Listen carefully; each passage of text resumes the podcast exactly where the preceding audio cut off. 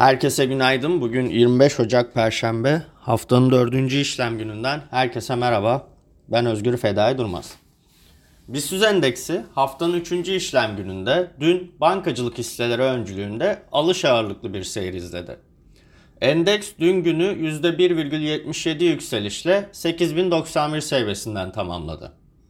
Akbank, Yapı Kredi, İş Bankası, BİM ve TÜPRAŞ hisseleri dün endeksi en çok yukarı taşıyan hisselerin başında yer alırken Migros, Coca-Cola, SDT Uzay, Borusan, Europower hisseleri ise endeksi en çok aşağı çeken hisseler oldu.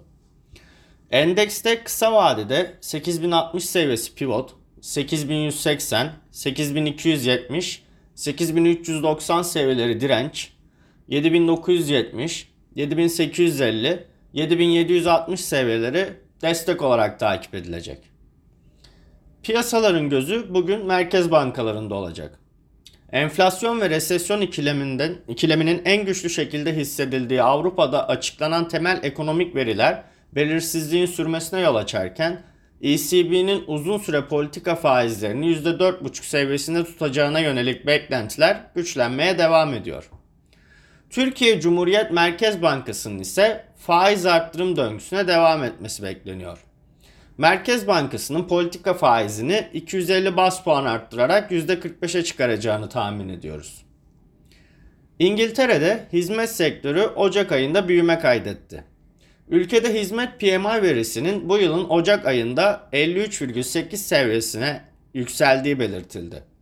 Ülkede imalat sektörü PMI verisinin ise 47,3 olarak kaydedildiği belirtilen açıklamada bu verinin geçen ay 46,2 olarak tespit edildiği hatırlatıldı.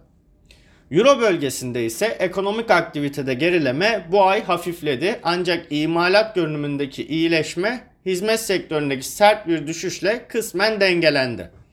Bileşik PMI Ocak ayında Aralık ayındaki 47,6 seviyesinden 47,9'a yükseldi.